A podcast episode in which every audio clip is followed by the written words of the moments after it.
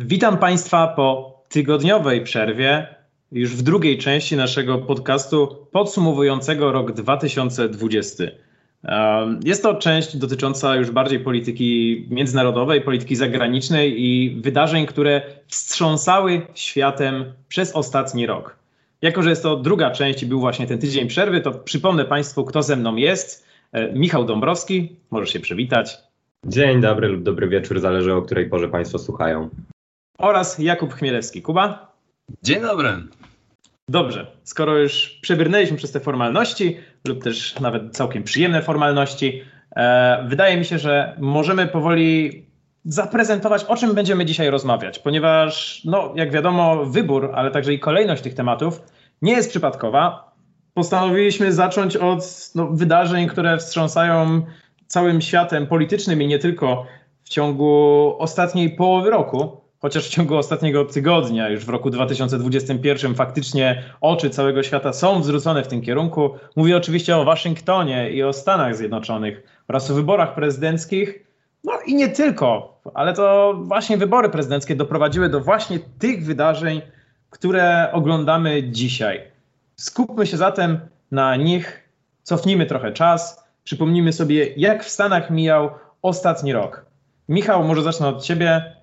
Jak oceniasz to, co się działo przez ostatni rok w Stanach Zjednoczonych? Jak oceniasz wybory prezydenckie no, i również kampanię wyborczą, bo to jest też całkiem ważne. To, co się działo w Stanach przez ostatni rok, było bardzo ciężko o lepsze słowo niż dwubiegunowe. Już zaczynając od samego wątku, który wspomniałeś na końcu, czyli kampanii wyborczej, w której Donald Trump w bardzo znaczący sposób lekceważył obostrzenia związane z pandemią koronawirusa i nie miał żadnych hamulców, aby gromadzić wielotysięczne tłumy w centrach miast lub na ich obrzeżach i żeby w te tłumy również wchodzić jako osoba będąca w grupie ryzyka 70, co się skończyło również jego zakażeniem, no ale o tym później. A z drugiej strony mieliśmy Joe Bidena, który dość mocno kładł nacisk na przestrzeganie restrykcji sanitarno-epidemiologicznych i w znaczącym stopniu zrezygnował z tradycyjnej formy prowadzenia kampanii wyborczej w Stanach Zjednoczonych, to znaczy zrezygnował z bezpośrednich spotkań z wyborcami, zrezygnował z organizowania ogromnych wieców. Jeżeli już organizował jakieś spotkania, to dbał o to, żeby dystans był zachowany. I to w jakiś sposób mocno polaryzowało wyjątkowo nie społeczeństwo amerykańskie, tylko właśnie sposób prowadzenia kampanii i sposób narracji prowadzonej przez obie partie. Oczywiście wcześniej mieliśmy prawybory, które zwłaszcza po stronie demokratycznej były wyjątkowo ciekawe, ponieważ muszę przyznać szczerze, do samego końca nie byłem świadom, kto ma największe szanse na zostanie nominatem Partii Demokratycznej w tych wyborach, ponieważ pojawiły się tam naprawdę znaczące nazwiska. Nie chodzi mi o plankton pokroju pana Bloomberga, który jest miliarderem i dość słabo pasuje do nowej narracji Partii Demokratycznej. Natomiast takie nazwiska jak Elizabeth Warren czy już znany i lubiany polskiej lewicy też Bernie Sanders, e, no dość mocno rzuciły rękawice Joe Bidenowi, więc sam proces wyłaniania kandydata po stronie demokratycznej również był ciekawy. Natomiast po listopadzie działo się w Stanach Zjednoczonych mniej więcej jak w filmie Hitchcocka. To znaczy oczywiście y, nawet nie od listopada, tylko już od momentu, w którym wybuchły protesty Black Lives Matter. Ponieważ mam takie wrażenie, że od tego momentu w Stanach Zjednoczonych było jak w filmie Hitchcocka, czyli najpierw było trzęsienie ziemi, a potem napięcie już do listopada, a nawet i po listopadzie, czyli po akcie głosowania już tylko rosło, ale może o tym powie Jakub. To znaczy, ja zwrócę na taką jedną uwagę, ponieważ e, na początku 2020 roku większość komentatorów e, jakby stwierdzała i tak zakładała się, że Donald Trump na spokojnie zdobędzie urząd e, prezydencki, dostanie reelekcję, z tym, że wraz z początkiem marca, kiedy zaczął się właściwie można tak określić, że z początku marca zaczął się COVID, e, to wówczas stopniowo, stopniowo się pogarszała sytuacja e, Donalda Trumpa w związku z jego reakcjami e, na walkę z pandemią. aż w końcu doprowadziło do końca, czyli listopadzie, do jego przegranej. I prawdopodobnie tylko przez działanie, w, znaczy przez raczej brak działania odpowiedniego przeciwko epidemii sprowadziło to, że przegrał z, z Joe Bidenem. A po drugie, to co e, trzeba zauważyć, że w tym roku poprzez protesty, przez właśnie COVID, a w związku z tym e, bezrobocie, e, narastające mm, po prostu napięcia społeczne, takie jak było w przypadku Black Lives Matter. E, do tego dochodzi e, jeszcze mm, ogółem napięcia związane powyborcze. Widać jednoznacznie, że polaryzacja w Stanach coraz bardziej dochodzi, e, jeszcze zwyżkuje i nie będzie e, jeszcze i tak naprawdę to może jeszcze pokazać w 2021 roku, e, kiedy już po części już to zostało to zobrazowane przez szturm na Kapitol. Ale to tak w skrócie chciałem takie kilka uwag zauważyć. No dobrze, to w takim razie trochę wbrew co wam obiecałem, ponieważ już poruszyliście temat polaryzacji. Czy waszym zdaniem Joe Biden jest osobą, która może zasypać te istniejące dziury, albo może raczej nawet kaniony podziału? Na etapie, na którym on się nadal nie wprowadził do Białego Domu, jest to bardzo ciężko stwierdzić. Natomiast wydaje mi się, że bardzo mocno przesadzone są domysły, jakoby prezydenturę miała faktycznie sprawować wiceprezydentka Kamala Harris, ponieważ nie wydaje mi się, aby Partia Demokratyczna po to nominowała Bidena, aby teraz odbierać mu całokształt sprawczości, jaki mu tą nominacją nadała. I jeżeli chodzi o sprawy zarówno wewnętrzne, jak i międzynarodowe, to myślę, że tutaj wciąż główne karty będą rozgrywane przez Joe Bidena. Czy jest on w stanie zasypać te ogromne podziały, które powstały w ciągu ostatnich czterech lat, a może nawet jeszcze wcześniej w Stanach Zjednoczonych?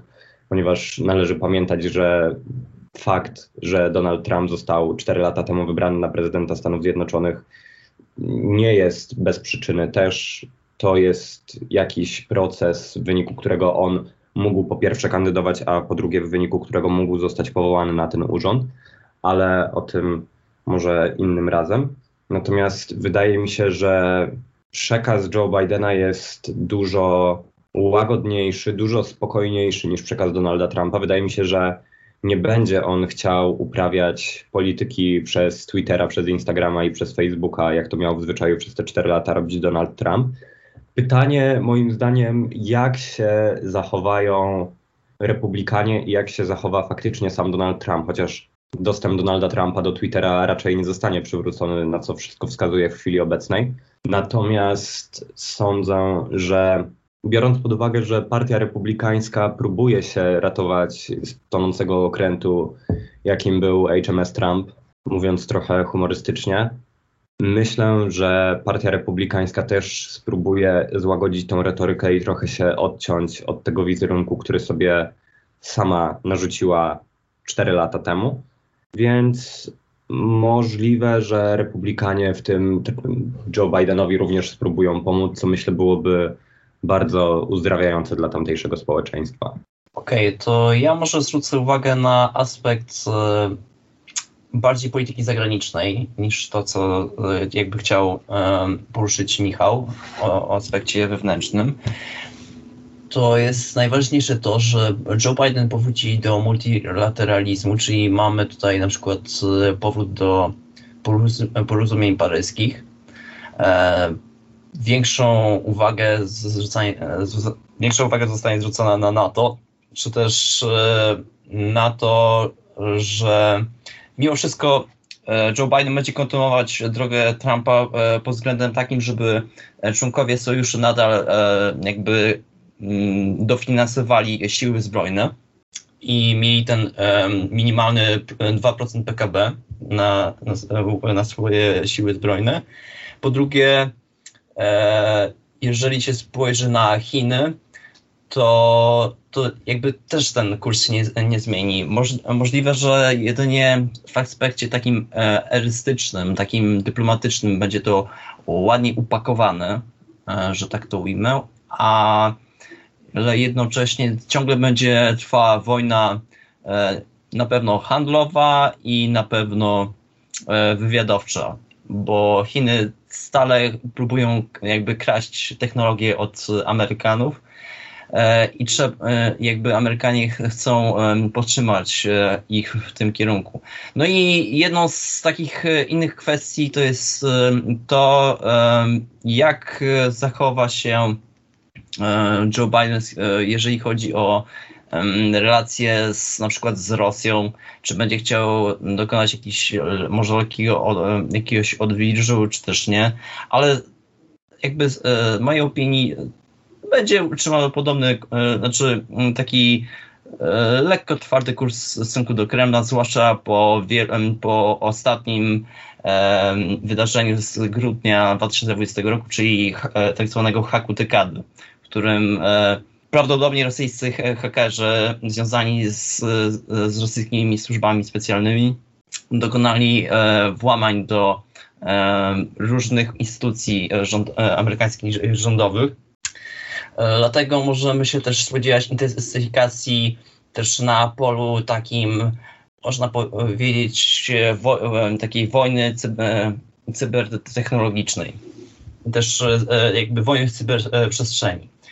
E, inną sprawą jest jeszcze to, e, jak Joe Biden się zachowa w stosunku do Iranu. E, już mm, są głosy o tym, że będzie chciał dokonać jakiś, mm, dokonać jakiejś umowy podobnej do tej, którą podpisał Barack Obama w 2015 roku odnośnie odnośnie zbrojeń, umowy w sprawie nuklearności. E, I zobaczymy, czy będzie utrzymał taki kurs e, scalania, który się utrzymał w tym 2020 roku e, pomiędzy sunitów kontra szyitów. I Dobrze. to chyba wszystko. To tak w skrócie. Właśnie widzę, że wyrywasz nam się na świat. E, co jest bardzo dobre, bo świat jest bardzo duży, a my mamy bardzo mało czasu, ale niemniej nie powstrzymacie mnie od zostania jeszcze w granicach Stanów Zjednoczonych na moment i zadania wam pytania, które, z którym nie spotkałem się w sumie nigdzie w publicystyce, a jest to coś, co mnie bardzo ciekawi i też z, z nikim o tym nie rozmawiałem, więc bardzo chętnie posłucham waszej opinii. Czy waszym zdaniem COVID zmienił coś w samych prawyborach Partii Demokratycznej? Czy na przykład byłyby szanse, że jakiś inny kandydat, nie wiem, może, może Bernie Sanders wzmocniony przez inne głosy opozycyjne wobec Joe Bidena, może byłaby to Kamala Harris, może był to słynny nowy nabytek Buttigieg, jeżeli dobrze wymawiam jego nazwisko, ponieważ jest naprawdę ciężkie. Eee, może Partia Demokratyczna byłaby w stanie faktycznie wybrać innego nominata, albo też trochę lżej, może zmieniłby się wybór wiceprezydenta. Może faktycznie Kamala Harris na przykład miałaby mniejsze oddziaływanie podczas kampanii i stwierdzono by, że mniej dopełnia Joe Bidena i może inny kandydat e, na kandydata na prezydenta zająłby jej miejsce. Michał, myślisz, że byłaby taka możliwość? Myślę, że jeżeli chodzi o Berniego Sandersa, to od lat odnoszę jedno i nieustanne wrażenie, że Stany Zjednoczone nie są gotowe na taką na coś, co my w Europie nazywamy po prostu socjaldemokracją, a nie lewactwem czy komunizmem. A to jest tak przez nich nazywane w Stanach Zjednoczonych. I tutaj myślę, że Bernie Sanders niestety będzie musiał jeszcze długo poczekać, żeby zostać nominatem, a nie ma już dużo czasu, ponieważ z tego co ja wiem, to on jest nawet w grupie już 80. Plus.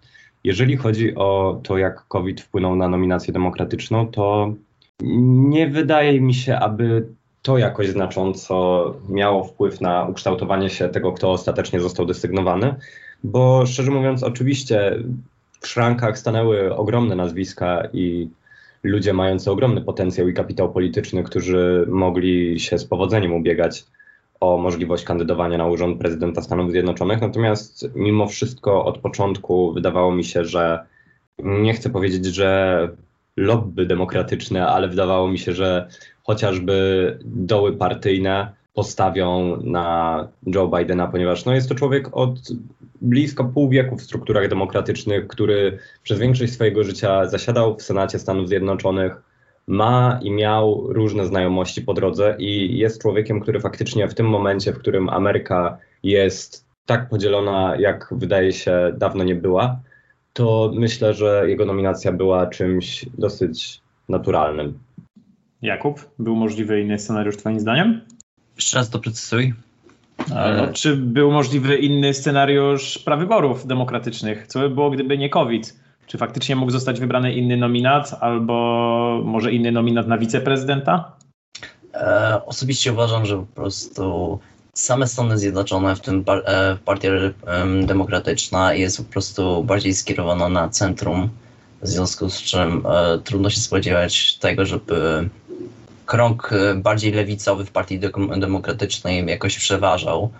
Z tym, że teraz, jeżeli Senat został przejęty przez demokratów, to być może trochę więcej zostanie wprowadzonych rozwiązań, które są proponowane przez lewe skrzydło Partii Demokratycznej, ale to się jeszcze okaże.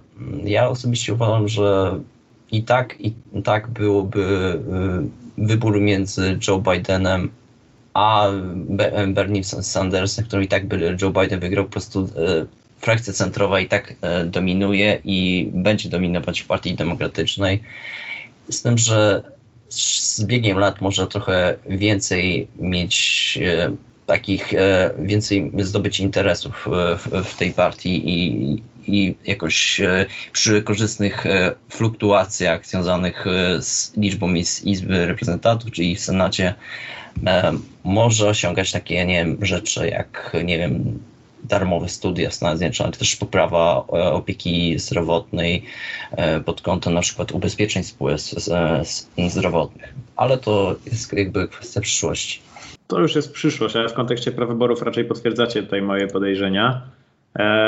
Dobrze, skoro wyrywałeś się tak na wschód, wyrywałeś się w stronę Chin, to nie trzymajmy się dłużej w niepewności, albo nie trzymajmy może w niepewności naszych słuchaczy i przyznajmy się, że zamierzamy teraz kierować nasze tematy na Pacyfik i spojrzeć, co działo się w poprzednim roku w Pekinie, ale też nie tylko w Pekinie co, co działo się również w Tokio, co działo się e, w Australii. Co się działo w Azji? Mm, tak bardziej tej orientalnej, tym, na tym dalekim wschodzie dla nas. E, jak waszym zdaniem wyglądały, wiem, że zadaję teraz bardzo dużo pytań, dlatego zaraz, zaraz wybiorę może pojedyncze, ale jak waszym zdaniem wyglądały relacje Stanów Zjednoczonych i Chin, zwłaszcza w kontekście pandemii, E, I jak wróżycie może też przyszłość tego regionu? Michał, Chiny versus USA. Co się działo? Co się działo? Ja myślę, że na to pytanie odpowie Jakub dużo lepiej jako freak, jeżeli chodzi o stosunki międzynarodowe. Natomiast e, ja mogę z dużą chęcią odpowiedzieć na pytanie, jak być może będzie wyglądała przyszłość tego regionu, biorąc pod uwagę właśnie RCEP oraz wiele innych wydarzeń, w tym zresztą sam COVID. Wydaje mi się, że COVID jest takim wydarzeniem, które nie tylko w Polsce, ale i na całym świecie w jakiś sposób skumulowało w sobie te wszystkie problemy, które od lat gnieździły się i zbierały żniwo w różnych rejonach świata i w różnych jego obszarach społeczno-gospodarczo-politycznych. I myślę, że COVID jest taką rzeczą, takim wydarzeniem, które dało ujście dla tych wszystkich problemów i bardzo mocno je obnażyło. I tak też wydaje mi się jest, jeżeli chodzi o rywalizację Stany Zjednoczone kontra Chiny. Wydaje mi się, że w sytuacji, w której obecnie jesteśmy, w momencie, w którym Stany Zjednoczone są w takiej, a nie innej sytuacji politycznej związanej z przegranymi przez Donalda Trumpa wyborami, e, myślę, że ta rywalizacja może tylko tylko gwałtownie przyspieszyć. Coś, co też ważnego wydarzyło się w zeszłym roku, to doszło do podpisania umowy między Chinami a Unią Europejską, co się spotkało dość dużym lamentem ze strony Stanów Zjednoczonych, które poczuły się dotknięte tym, że ta umowa nie została z nimi w żaden sposób uzgodniona, podczas gdy Unia Europejska od lat obserwuje procesy, w których Stany Zjednoczone na arenie międzynarodowej działają bez oglądania się na kogokolwiek, więc myślę, że to jest też w jakiś sposób próba włączenia się Unii Europejskiej do tej rywalizacji. Natomiast wydaje mi się, że możemy się spodziewać coraz bardziej gwałtownego przyspieszenia. Kuba, zostałeś wyzwany. Okej. Okay, czy to jest bardzo szeroki temat, więc e, tak może skrótowo powiedzmy o tym. Um, więc jakby po pierwsze e, zau można zauważyć to, że dalej mamy intensyfikację działań pomiędzy Chinami a Stanami Zjednoczonymi. Można powiedzieć, że to jest jakby taka nowa, zimna e, wojna wydań XXI wieku, którym e, walczymy na różnych polach, e, starając się, aby być, e, mieć przewagę nad przeciwnikiem. Widzimy, że jest ciągła takie, taka wojna taka na, na, na gruncie dyplomacji, co można też zauważyć na, mm, jeżeli chodzi o Twittera, kiedy w pewnym momencie nawet ambasador mm, USA w Polsce, pani Mosbacher, miała pewne sprzeczki z, z ambasadorem Chin w Polsce. To było dosyć też zauważone w środowisku takim ekspertów politycznych. Widać, że cały, ciągle mamy taką od czasu COVID-u, taką ciągłą e, jakby zapychanie się kolejnymi oskarżeniami między tymi dwoma stronami. E, w związku z tym, że to właśnie od, e, z Chin, z prowincji Wuhan doszło do dalszej rozwinięcia pandemii na świat i Amerykanie starają się przedstawić Chińczyków, zdemonizować ich jako na, na, najgorszych, E, w tej rywalizacji. Poza tym, jeżeli spojrzymy mm, na takie aspekty, jak na przykład e, kwestia walki o szczepionkę, tak, to było jedno z ciekawszych e, mm, takich patrzeń mm, z perspektywy tego, czy Chiny uda się, znaczy po pierwsze z kwestii medycznej, czy uda się jak najszybciej opanować epidemię, Widać było, że Chińczycy byli mocno zmobilizowani do tego, aby zakończyć, e, zminimalizować epidemię do minimum, w związku z czym e, podjęto wszelkie środki na najbardziej radykalne z twardymi lockdownami i e, też e, bardzo to było zauważalne, jeżeli chodzi o to, że w tym kontekście wykorzystywano też sztuczną inteligencję, tak, e, bar, e, tak bardzo rozwiniętą. E, co zresztą wykorzystywanie też, w związku z tym też wykorzystywanie mm, też kamer przestrzeni publicznej do rejestrowania wszelkich ruchów obywateli, czy też zauważenie tego, jeżeli ktoś wyszedł, jakby łamał regulaminy, to już to było odnotowane zaraz szybko i zaraz była policja. Ogółem Chińczycy bardzo twardo postawili kurs na walkę z pandemią i naprawdę można mm, zauważyć, że w państwie w, można powiedzieć, że już teraz bardziej autorytarnym niż komunistycznym, był, y, można prowadzić bardzo srogie restrykcje i jednocześnie zwalczyć taki poważny problem, jak, jakim był COVID-19 do minimum. Jeżeli chodzi o sprawy związane z Mm, na przykład z, z pozostałymi sąsiadami. To e, było na przykład w Japonii utworzenie, znaczy po prostu powołanie nowego premiera. W Korei Południowej e, był, znaczy to było właśnie ciekawe, bo jeżeli spojrzymy na to, czy nie wiem, czy Michał na przykład e, zauważył to, że na przykład w Korei Południowej był taki pewien moment, kiedy się zbiegały wybory z naszymi i wówczas y, nasi rządzący mówili, że w Korei Południowej można zorganizować wybory, więc na spokojnie. To była my też możemy... wymówka. Tak, tak, tak, właśnie, właśnie. Taka wymówka, że my też możemy, spokojnie nie, nie bójmy się, da się przeprowadzić wybory w czasie pandemii. E, I z takich innych rzeczy to była ciekawa na przykład rywalizacja pomiędzy Chinami a Australią. Szczególnie pod kątem e, takiej trochę troszeczkę wojny handlowej, a też e, E, takiej e, quasi wywiadowczej. E, i było parę takich wpadek chińskiego wywiadu na terenie Australii, które było dosyć odnotowane w tym środowisku. I też jak eksperci zwracają uwagę, sama populacja Chińczyków jest na tyle pokaźna w, e, w Australii, że jest to bardzo taki, e, e, taki ciekawy teren pod względem prowadzenia działań wywiadowczych dla Chińczyków, a w związku z tym też pozyskiwania też informacji na temat tego, co planuje rząd australijski i być może też wykradanie pewnych technologii. I co jeszcze możemy tutaj jakby dodać? No, to, że na przykład e, była już w przypadku Indii, e, była intensyfikacja jakby relacji pomiędzy Stanami Zjednoczonymi, a właśnie Indiami.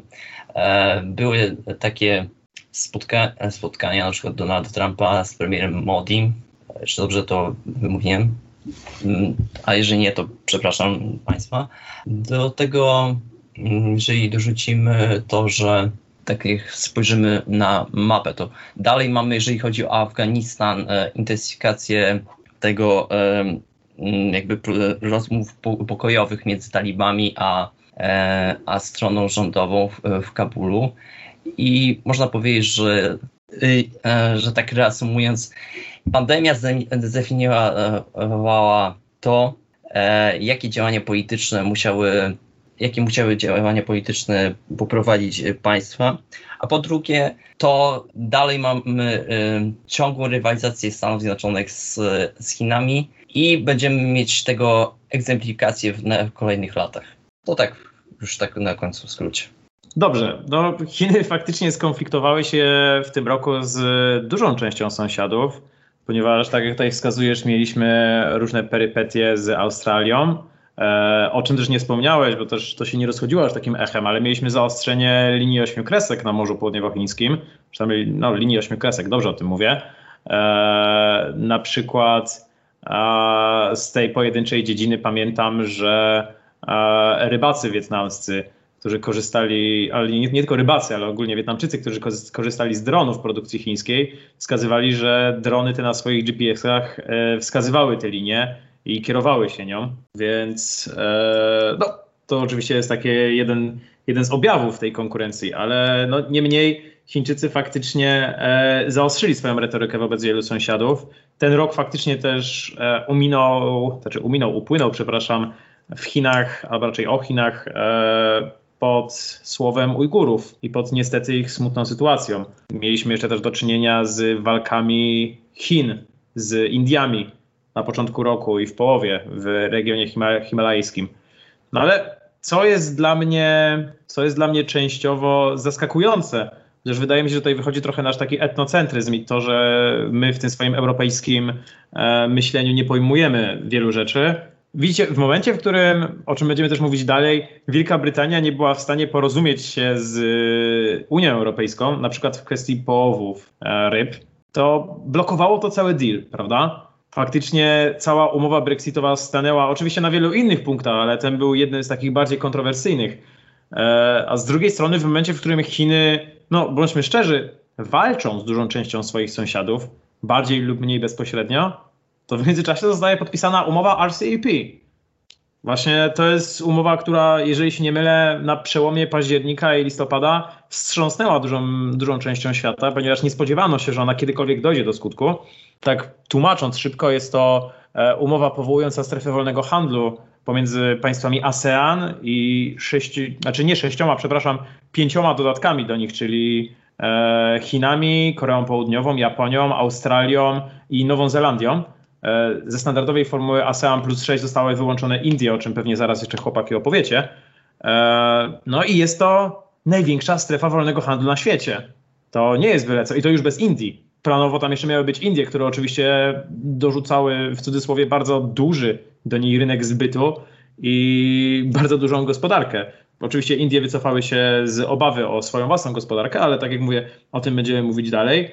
E, nie można tutaj moim zdaniem też mylić RCEP z Unią Europejską, bo często mówi się, że RCEP jest właśnie większą strefą wolnego handlu niż Unia Europejska pomimo, że jest to oczywiście formalnie prawda, to nie jest to ten sam gatunek e, organizacji lub raczej umowy, ponieważ wydaje mi się, że RCP można bardziej porównać do Europejskiej Wspólnoty Gospodarczej albo nawet z Europejskiej Wspólnoty Węgla i Stali z XX wieku, z lat 50. i 60., ponieważ no, faktycznie mamy tutaj do czynienia tylko w cudzysłowie ze strefą wolnego handlu, z żadnym większym organizmem politycznym lub żadnym większym organizmem militarnym albo nawet dyplomatycznym. Dobrze, bo się rozgadałem, ale Michał, co znaczy, ja uważasz o RCP? Ja się mogę podpisać pod tym, co ty oczywiście powiedziałeś, że jeżeli chodzi o strukturę i polityczną, i gospodarczą, to RCP jest dużo bliższe Europejskiej Wspólnocie Gospodarczej albo EFTA, albo Europejskiej Wspólnocie Węgla i Stali niż Unii Europejskiej. Natomiast warto też pamiętać, że te wszystkie wspólnoty europejskie, które przed chwilą obaj wymieniliśmy, były jakby pierwszym krokiem w stronę Unii Europejskiej, więc niewykluczone, że z czasem RCEP przerodzi się w coś większego i w coś bardziej politycznego niż gospodarczego. Natomiast jeżeli chodzi o potencjał gospodarczy, jaki tam drzemie, no to bez wątpienia jest on ogromny. Zwłaszcza jeżeli prędzej czy później przyłączą się Indie. Warto też podkreślić, że procesy integracyjne na starym kontynencie też wyglądały dosyć podobnie. To znaczy zaczynało się od nie chcę powiedzieć, że wąskiej grupy państw, na, państw, natomiast były też państwa pozostające na marginesie tej integracji, natomiast prędzej czy później w obawie przed marginalizacją i izolacją gospodarczą postanawiały one się włączyć w te mechanizmy integracji europejskiej. I niewykluczone, że tak też stanie się w tym przypadku, chociaż myślę, że tarcia na linii New Delhi a Pekin będą dosyć y, potężne, biorąc pod uwagę, że wszelkie prognozy demograficzne wskazują na to, że w ciągu 10 lat Indie przerosną swoją liczebnością Chiny. Natomiast no, to wszystko pozostaje w sferze domysłów i domniemań. Natomiast jeżeli chodzi o RCEP, no to bez wątpienia jest to potężna rzecz, potężny projekt, ponieważ skupia on 30% całej populacji całego globu, a dodatkowo skupia 30% PKB wytwarzanego przez cały globalny rynek, także myślę, że potencjał tutaj jest ogromny. Myślę, że to też może, myślę, że to też może wskazywać na jakiś trend. Nie chcę jeszcze tego tak mocno nazywać, natomiast niewykluczone, że w jakiejś przyszłości wiele regionów podąży tą drogą, którą w XX wieku wyznaczyła Europa. Znaczy nie chcę też brzmieć tutaj jak jakiś europocentrysta, natomiast wydaje mi się, że silna regionalizacja jest być może jakimś pomysłem na przełamanie impasu, z którym mamy do czynienia od dłuższego czasu, czyli rywalizacji Chiny-Stany Zjednoczone. No, ja bym powiedział, że wskaźników tego trendu widzimy naprawdę dużo ponieważ jeżeli się nie mylę, to w zeszłym miesiącu, w grudniu 2020 roku, na przykład świat obiegła wieść, że Światowe Forum Ekonomiczne zostanie przeniesione z Davos, z Davos do Singapuru. To są oczywiście takie drobne rzeczy, może nawet formalności, ale wielu osobom, które faktycznie jeszcze może nie dowierzały w parę rzeczy, albo nawet ich nie widziały, to otwiera oczy. Centrum świata przenosi się, może nie do Azji, ale na pewno na stronę Pacyfiku. Kuba? Można jednoznacznie stwierdzić, że obecnie jakby Europa z roku na rok traci na znaczeniu i de facto Azja, a szczególnie Chiny y, będą z roku na rok zyskiwać i zresztą to, co widzimy w ostatnich latach, wzrost potencjału y, Chin y, też determinuje do tego, żeby kumulować e, pewne zawiązanie umów e, między partnerami w, e, w Azji i jednocześnie, żeby jakby Chińczycy dominowali w tym regionie kosztem Stanów Zjednoczonych, które właśnie na, na kanwie RCEP najbardziej są poszkodowane w, w tej umowie. Ale, ale tak naprawdę, jeżeli spojrzymy na to, jak Europejczycy też traktują Chiny, to trochę z pewnym dystansem i trochę zbywają temat Chin i jej, e, jej znaczenia czasami, co można zobaczyć e, szczególnie w polskiej e, jakby debacie publicznej. Chociaż ostatnimi czasy bardzo jest temat Chin bardzo częściej poruszany, jak to też pokazuje na przykład wiele, wielość wystąpień na przykład profesora Bogdana Góralczyka, który jest jeden chyba z największych znawców Chin w, i ogółem Azji Wschodniej w, w Polsce. Tego jeszcze propagowanie też treści przez na przykład doktora Jacka Bartosiaka, czy też eksperta jednego z OSW, pana Jakubowskiego, e, czy też e, Michała Bogusza. E, do tego do tego wszystkiego, mm, no jakby reasumując, tak żeby nie przedłużać, cały czas Europa traci na znaczeniu i wpływy Chin zataczają nie tylko w samej Azji, ale również na zewnątrz, jak też do Europy. I wojna jakby technologiczna o to, kto będzie dominował, czy Chiny, czy Stany, będzie jakby punktem takim e, wielu debat i wielu też decyzji na szczeblu samej Unii Europejskiej. Dobrze, że tyle razy wypowiedziałeś słowo Europa, bo niemniej będziemy do niej przechodzić. E, Unię Europejską i ogólnie Europę wybraliśmy jako trzeci punkt naszego dzisiejszego planu, ponieważ jest to naszym zdaniem trzecie miejsce, które skupiało uwagę świata, no i głównie też zachodniego świata z naszej perspektywy skupiała taką polityczną uwagę swoimi wydarzeniami, bo faktycznie działo się bardzo dużo rzeczy. Teraz jak zwykle rzucę dużą ilością haseł, żeby przypomnieć wam, co będziemy poruszać i potem zacznę was wypytywać o poszczególne rzeczy. No, mieliśmy w tym roku do czynienia z negocjacjami budżetowymi, które w Polsce odbiły się bardzo, głoś- bardzo głośnym hasłem weto albo śmierć.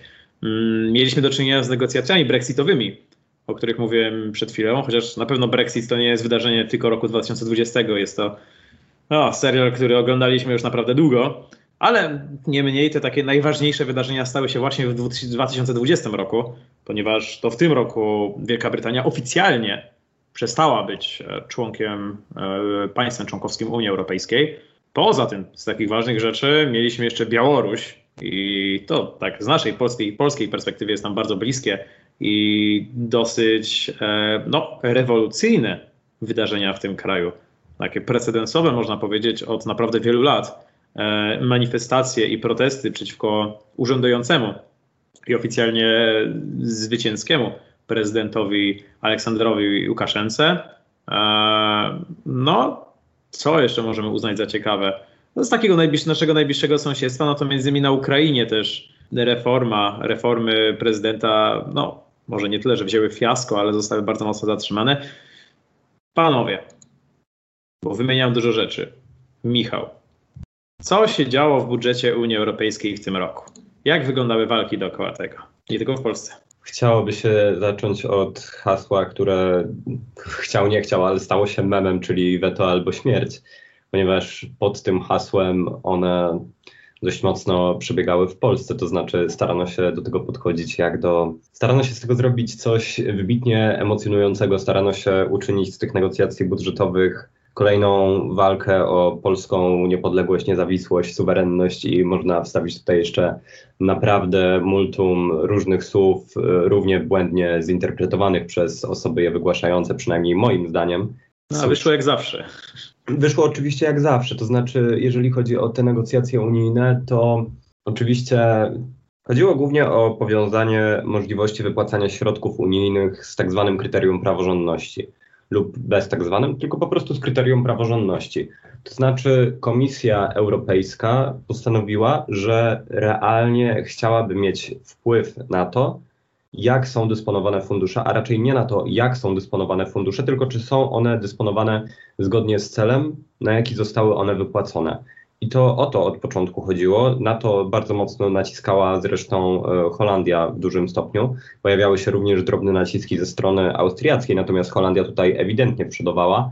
I o ile polski i węgierski rząd mówiły, że zawetują budżet w momencie, w którym taki zapis się znajdzie w tym budżecie, o tyle Holandia mówiła, że ona zawetuje budżet w momencie, w którym tego typu zapisy nie zostaną w tym budżecie umieszczone. Także niemiecka prezydencja miała dość e, mocny padł.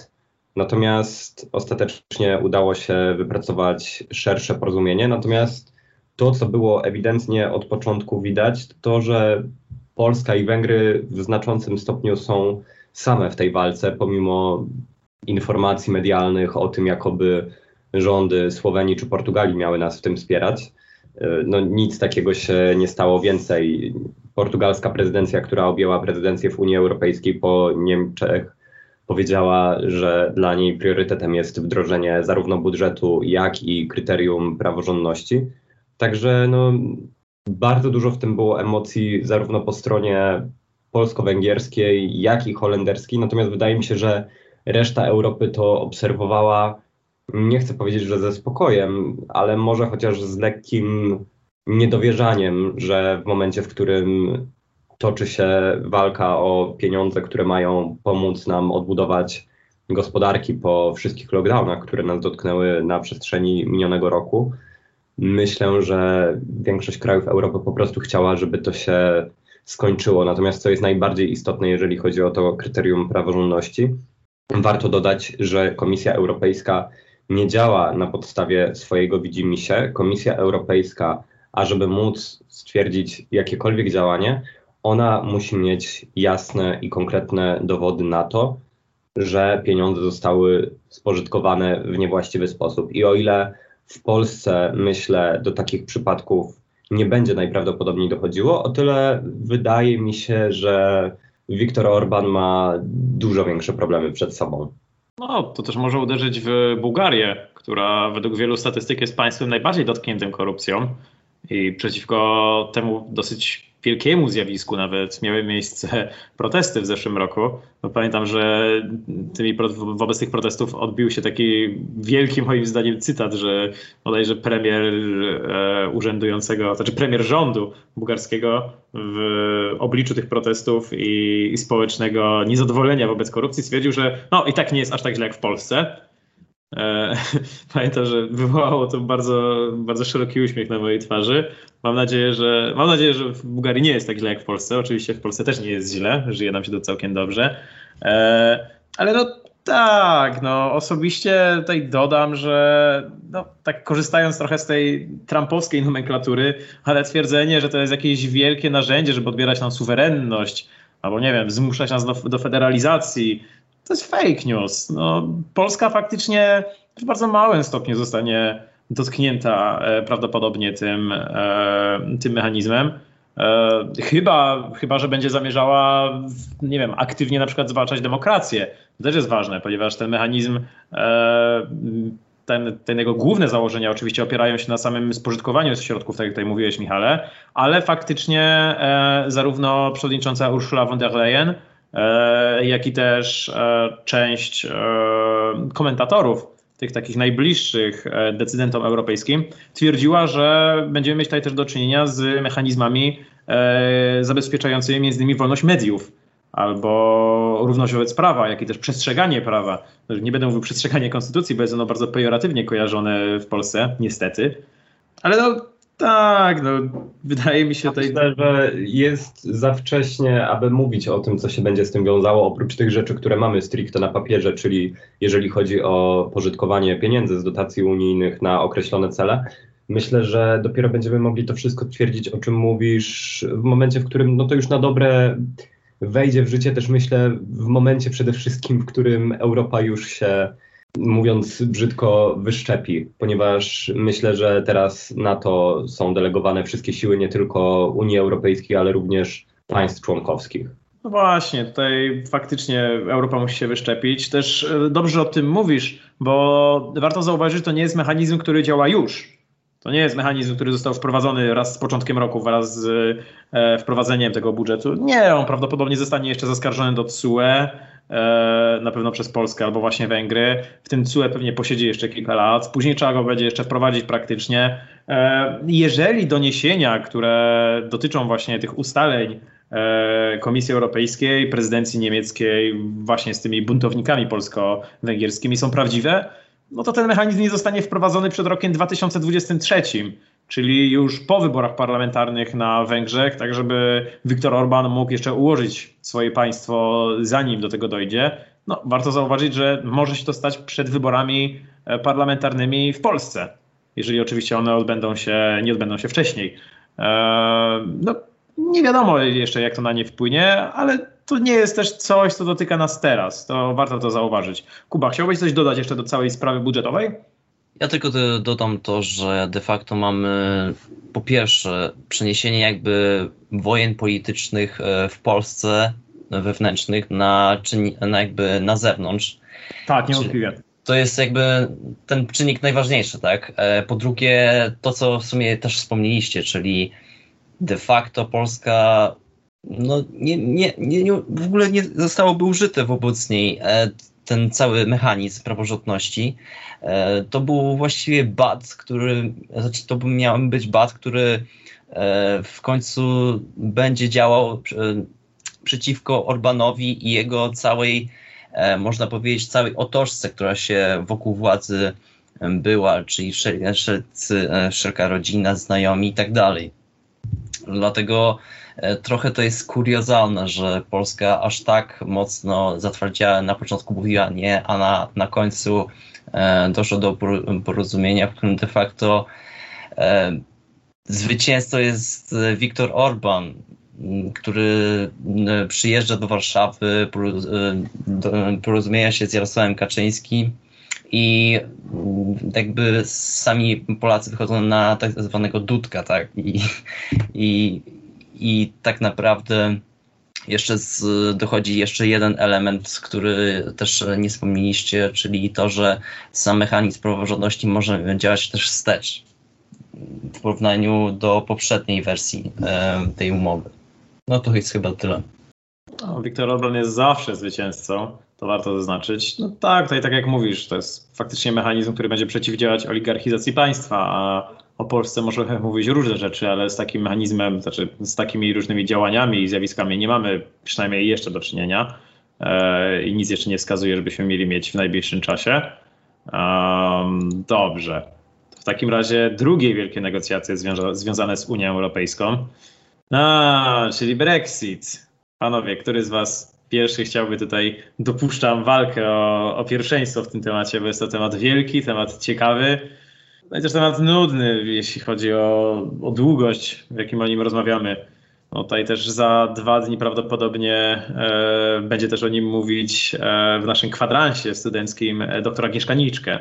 Opowiadać o takich szczegółach i meandrach tej umowy, którą podpisano. Ale dobrze, skoro widzę, że się nie pchacie tutaj, muszę jednak zadziałać. Michał, co no jest, się działo w tym roku?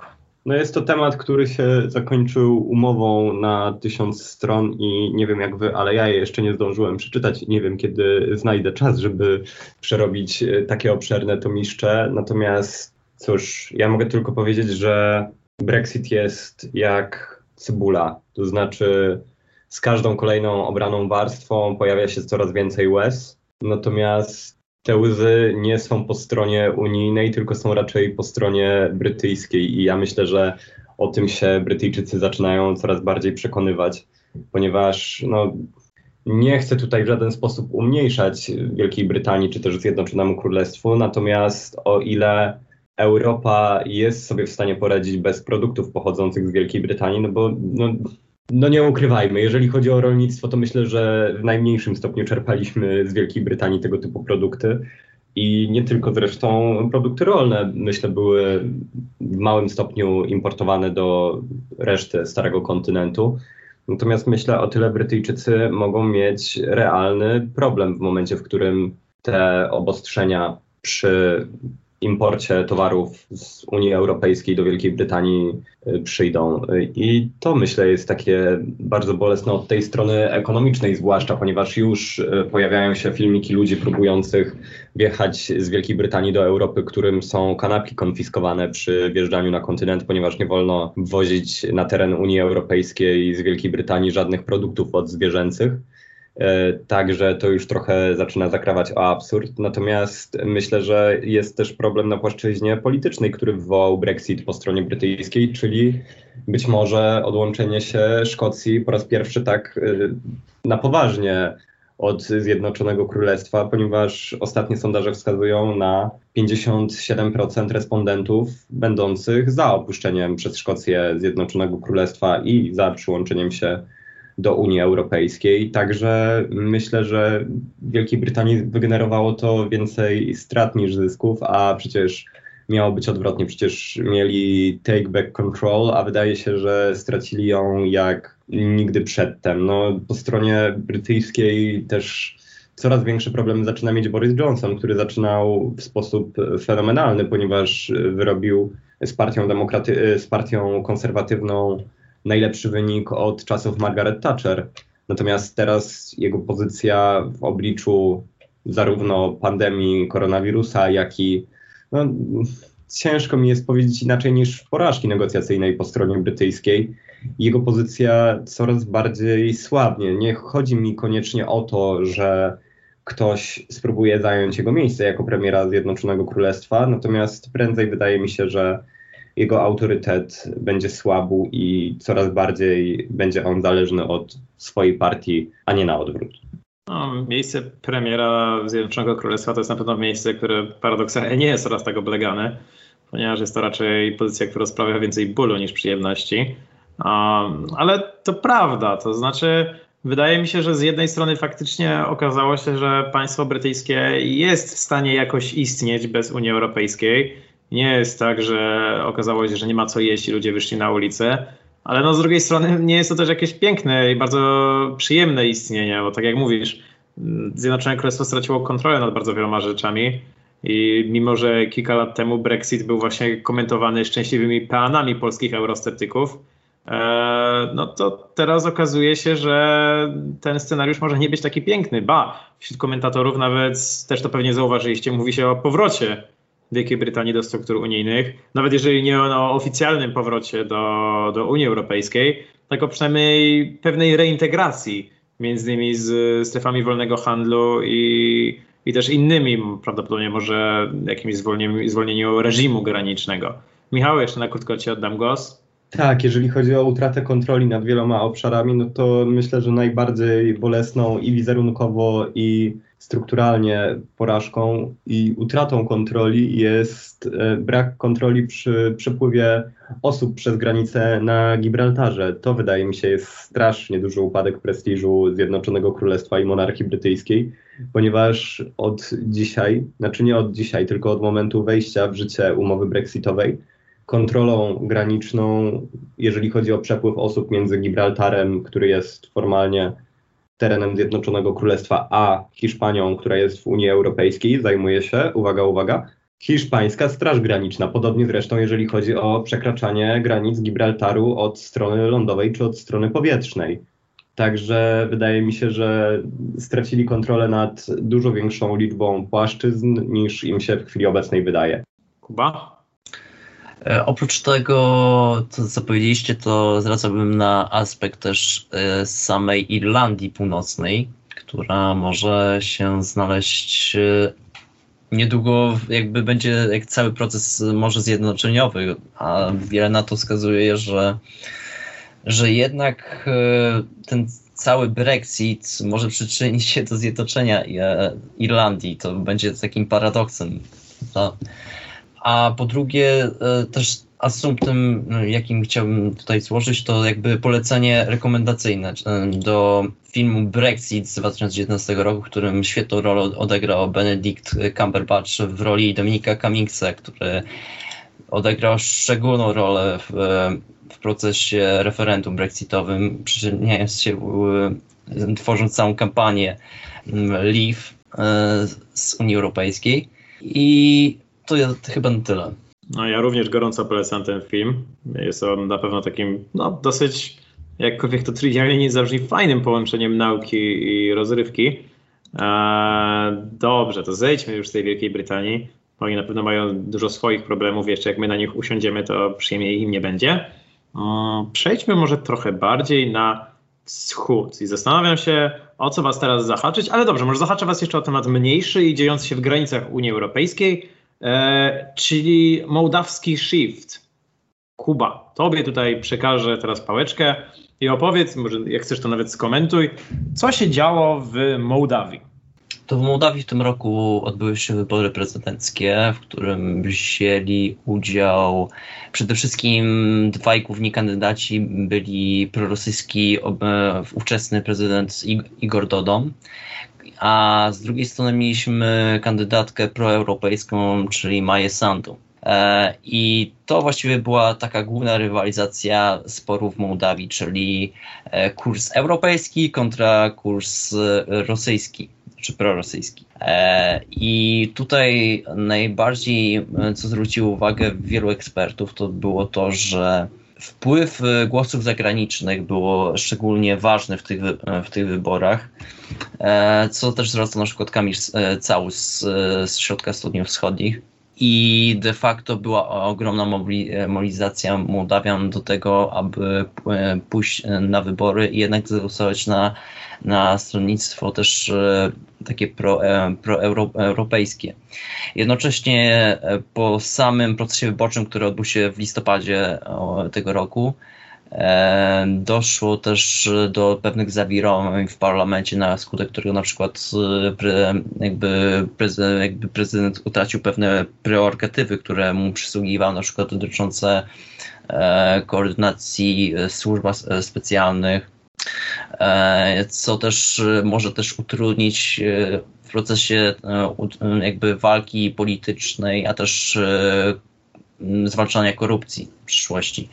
Ale jednocześnie można też zauważyć, że pod koniec, że dobrze pamiętam, czy pod koniec roku, czy na początku już, już tego roku doszło też do, do misji rządu i zobaczymy, jak dalej będzie się sytuacja toczyła.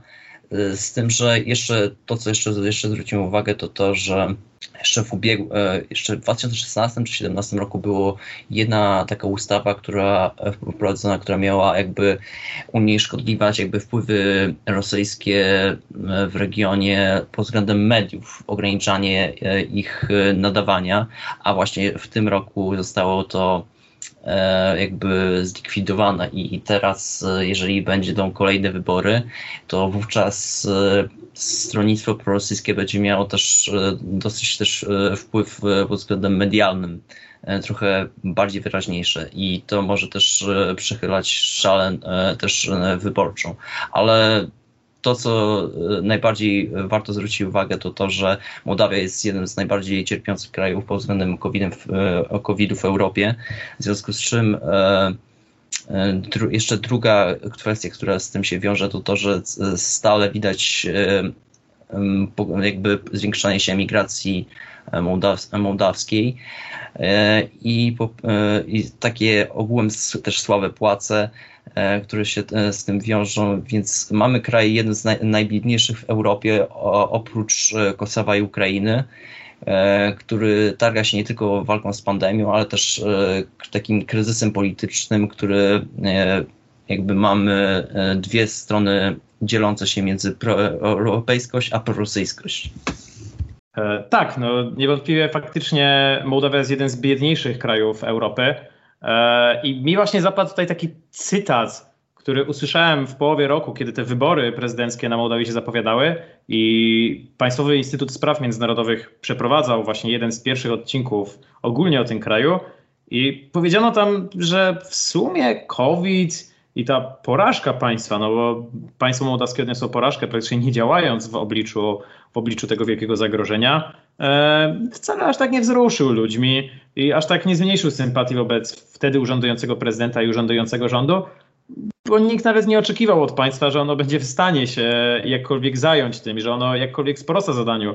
Więc ludzie tak naprawdę w ogóle się nie zawiedli czymś, czego, czego nie oczekiwali. No, jest to dla nas trochę niewyobrażalne, e, ale no jest to niewątpliwie też część tego etnocentryzmu, o którym mówiliśmy. Ale dobrze, skoro już właśnie mówimy tutaj o no, niewątpliwie pewnej porażce obozu prorosyjskiego, e, która dzieje się trochę śladem ukraińskim, to możemy przejść trochę bardziej na północ i wskazać te takie najgorętsze wydarzenia też ubiegłego roku, zwłaszcza z naszej perspektywy, czyli protesty na Białorusi. 9 sierpnia, jeżeli się nie mylę, no to było to kilka dni po moich urodzinach, to pamiętam, Aleksander Łukaszenka oficjalnie wygrał wybory prezydenckie na Białorusi. Oczywiście wskazuje oficjalnie jako komunikat e, Komisji Wyborczej, ponieważ no, wiele, wiele badaczy, wiele państw, jak i no, też wiele tych mniejszych komisji wskazuje, że wcale tak nie jest. No, wywołało to bezprecedensową falę protestów, która utrzymywała się na Białorusi przez kilka miesięcy. E, wielu obserwatorów, w tym też nas, którzy prawdopodobnie tę sytuację obserwowali, no, można powiedzieć, na żywo, kilku momentach twierdziło, że władza może się nie utrzymać na Białorusi. No, stety albo niestety, osobiście powiem niestety, po kilku miesiącach okazało się, że władza, no, co prawda bardzo osłabiona i też z pomocą rosyjską z tego kryzysu, no, może nie wyszła, ale częściowo wybrnęła z tego bagna i stara się teraz całkowicie z niego wyjść. No ale właśnie, Michał, czy to, co się działo, może tak zadam dwa pytania w jednym. A, zaskoczyło Cię i B, czy przyniesie jakieś większe no, zmiany, konsekwencje? Czy to faktycznie jest prawda, że mówi się o tym, że to jest wielka zmiana w społeczeństwie białoruskim? Czy szczerze, to nie jest kwestia tego, czy ta zmiana zajdzie, tylko ta zmiana już zaszła. I ci ludzie, którzy do dnia dzisiejszego protestują i wychodzą na ulicę, oni nie protestują o to, żeby nie było już tak, jak było, bo już nie jest tak, jak było i najprawdopodobniej nie będzie.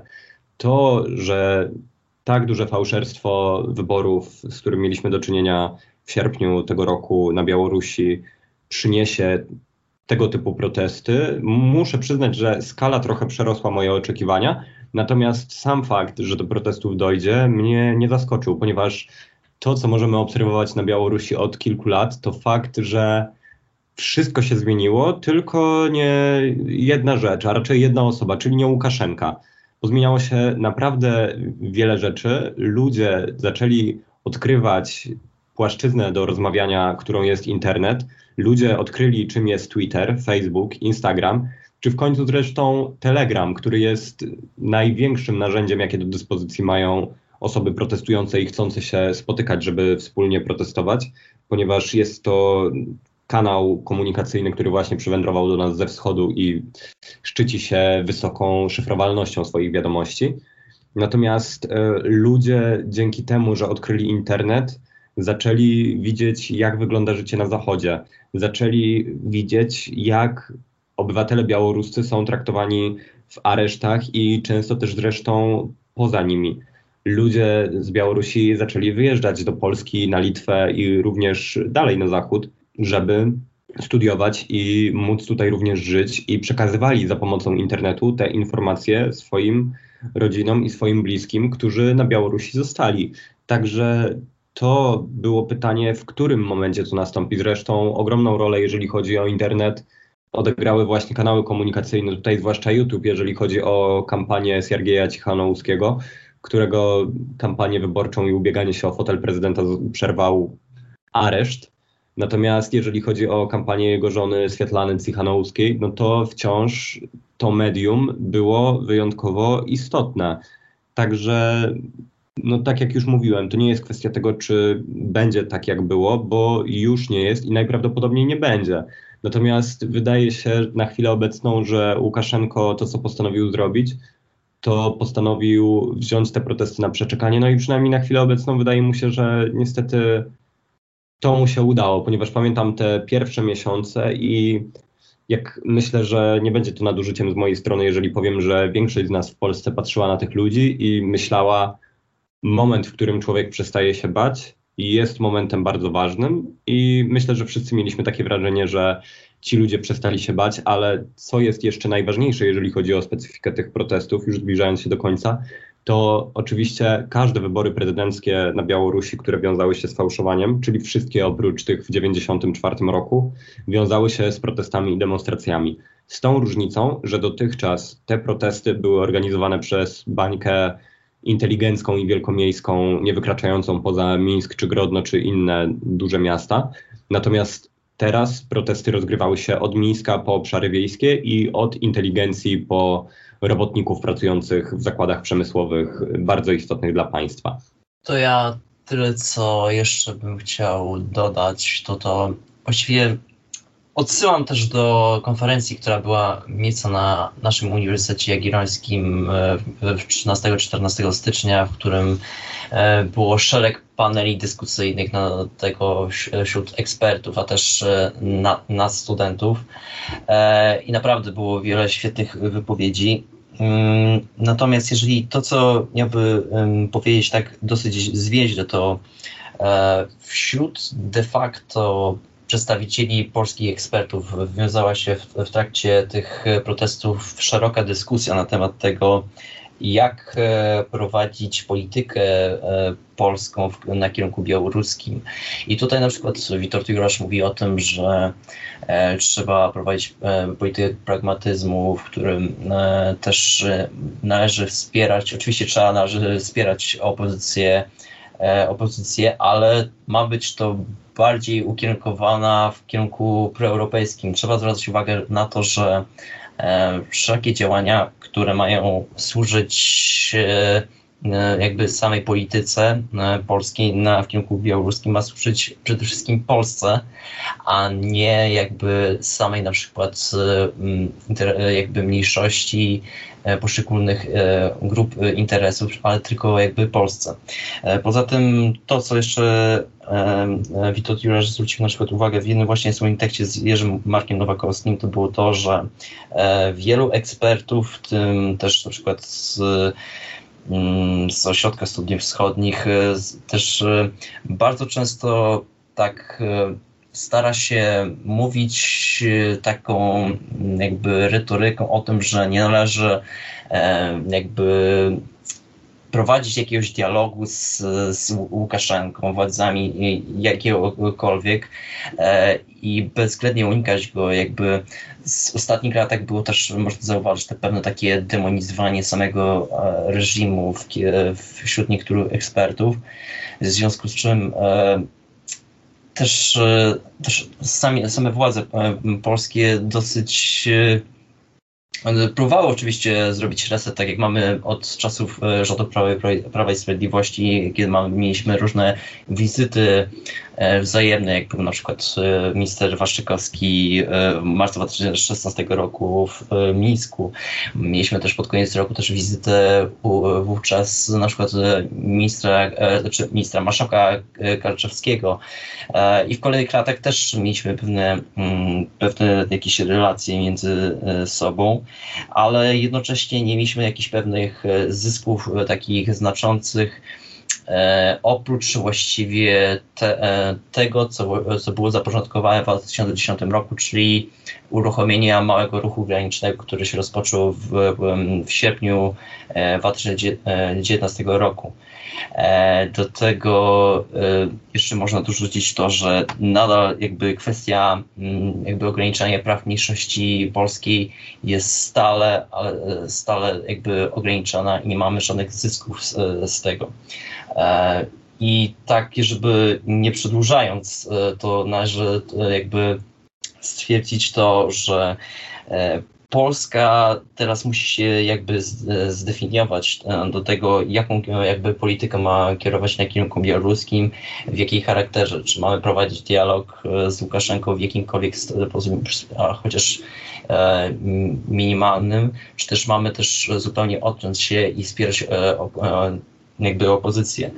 E, do tego trzeba zwrócić uwagę to, że, mm, że bardzo lekceważona jest też rola samej Polski pod względem takim soft power e, czasami. E, chociaż jak zwrócimy uwagę na to, że na przykład mamy od 2007 roku telewizję Bielsa, tak, po, po pierwsze, która jakby już można powiedzieć, że już jedno pokolenie Wielusinów w jakimś jakimkolwiek stopniu wychowała i jakby kształtuje taką samą myśl Białorusina wokół tego, jak, jak, jak myśleć pod względem e, takim polityczno-społecznym.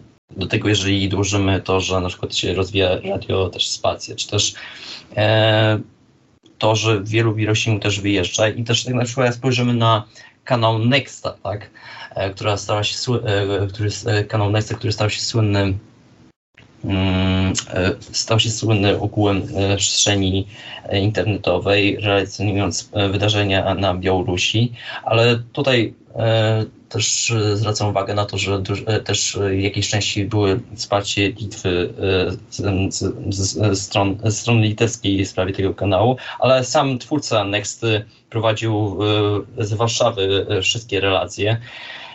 I jakby to, co jeszcze może niewiele osób zwróciło uwagę, to to, że jeden z właśnie e, e, dziennikarzy białoruskich został właśnie nominowany mm, w, w nagrodzie Grand Press organizowanej przez magazyn Press takim bardzo nobilitowanym nagrodzie polskich dziennikarzy. I, I tak by już reasumując to, powiedzmy sobie szczerze, że wybranie strategii jest najważniejsze, po drugie jakby dalsze, dalsze utrzymanie pewnego konsensusu politycznego w Rusi będzie też niezbędne i po trzecie jest ważne to, czy będzie postępować dalej integracja między Białorusią e, a Rosją. I naszym interesie jest to, żeby maksymalizować swoje własne interesy i po drugie e, ograniczać wpływy rosyjskie na terenie Białorusi. I to wydaje się najbardziej kluczowe w tym aspekcie. Ja tutaj tak jeszcze zamykając temat, bym w sumie powtórzył kilka moich tez, które już poruszałem przy różnych dyskusjach przy piwie i nie tylko, e, że moim zdaniem w roku 2020 na Białorusi upadły dwa wielkie mity. I też dzięki upadku tych mitów e, prawdopodobnie jeszcze został wzbudzony jeden proces, o którym często się zapomina, ale po kolei. E, jedno, o czym tutaj mówił Michał, czyli że w momencie, w którym przestajesz się bać, przestajesz być niewolnikiem, cytując znanego polskiego e, polityka. I to prawda. Wydaje mi się, że na Białorusi i też nie tylko na Białorusi, ale też w naszym postrzeganiu Białorusi funkcjonował przez wiele lat mit tego niepokonanego Łukaszenki, który może stryknięciem zrobić wszystko. I jego reżim jest niepowstrzymany i Białorusini tak naprawdę nie mogą się nawet odezwać i nie mogą w żaden sposób zadziałać przeciwko niemu i nie ma żadnych szans, no tak naprawdę walki z tym reżimem.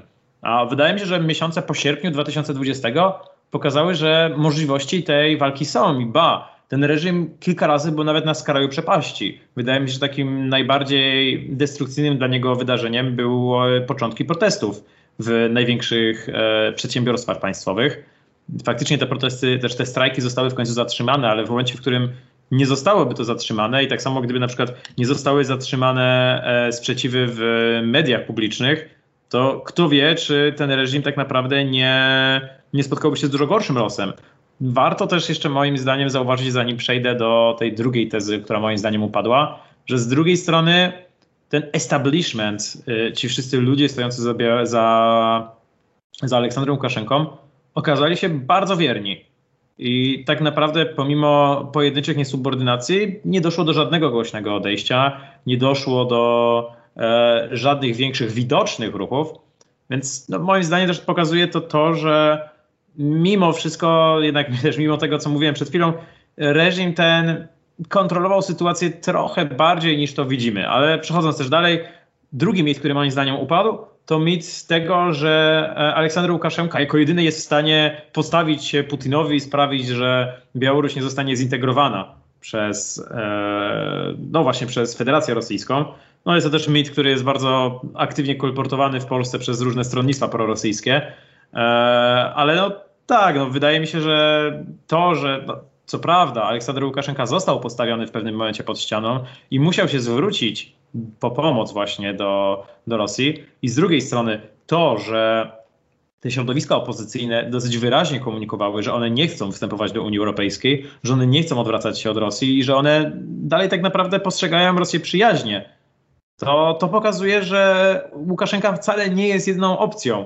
I jak wydaje mi się, że na razie jest on opcją na pewno preferowaną przez właśnie Kreml, ponieważ no, jest opcją po prostu pewną, to inne opcje są możliwe i to, to też było wiele razy sygnalizowane. Też dlatego e, Kreml nie chce podejmować aż tak ostrych działań wobec właśnie protestujących i nie chce aż tak bardzo wyraźnie wspierać reżimu, ponieważ no, mógł się tutaj powtórzyć scenariusz tak naprawdę ukraiński, który no, do Rosji zniechęciłby całe społeczeństwo, które pozostaje w jednym kręgu kulturowym. I już zaraz oddaję wam głos i zamkniemy powoli ten temat, ale to moim zdaniem też zaczęło ten taki no, wydaje mi się, taką dżentelmeńską umowę, znaczy naruszyło ją, która, która funkcjonowała w przestrzeni międzynarodowej, ponieważ, jak też sam osobiście patrzyłem, dotychczas większość wyników wyborów była uznawana przez e, społeczności międzynarodowe i przez państwa, nie tylko ościenne, a tutaj faktycznie widzimy, że po raz pierwszy od dawna e, doszło do podziału. Doszło do podziału na to stronnictwo w cudzysłowie rosyjskie.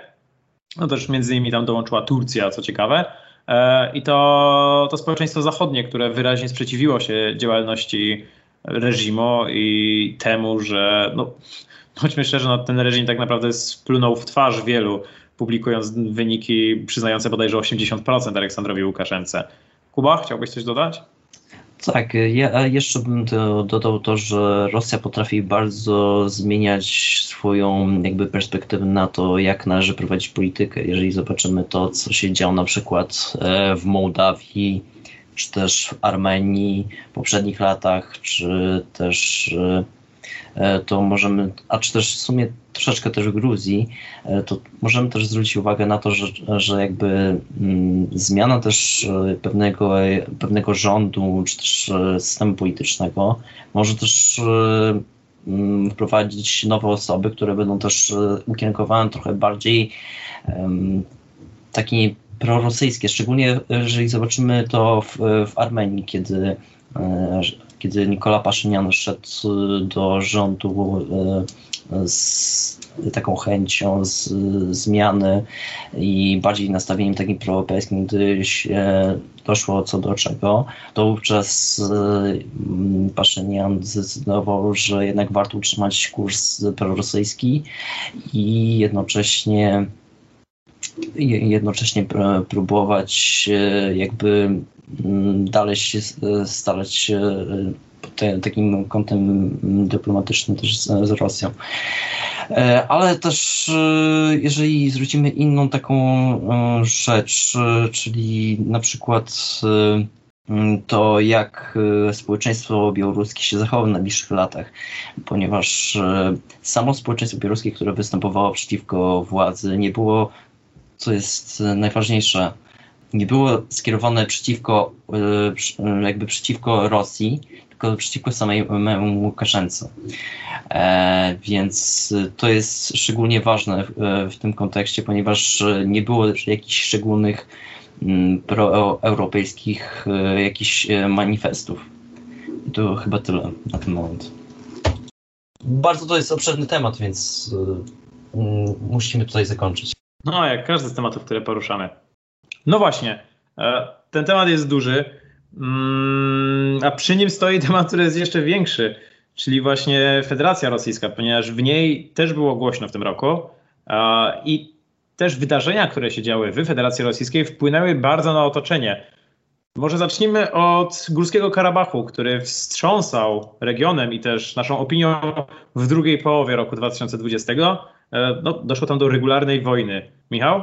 Tak, to znaczy wybuchł konflikt, który nie jest ani konfliktem nowym, ani też konfliktem małym. Mianowicie jest to konflikt o rejon Górskiego Karabachu, który za czasów Związku Radzieckiego był autonomiczną republiką. No i po upadku Związku Radzieckiego zaczął się oczywisty spór między powstałą Armenią i Azerbejdżanem o to, co na dobrą sprawę zrobić z tym regionem, ponieważ każdy z tych krajów uważa ten teren w jakimś sensie za swój. Przede wszystkim Azerbejdżan przyjął strategię, w myśl której Górski Karabach jest po prostu terenem azerskim.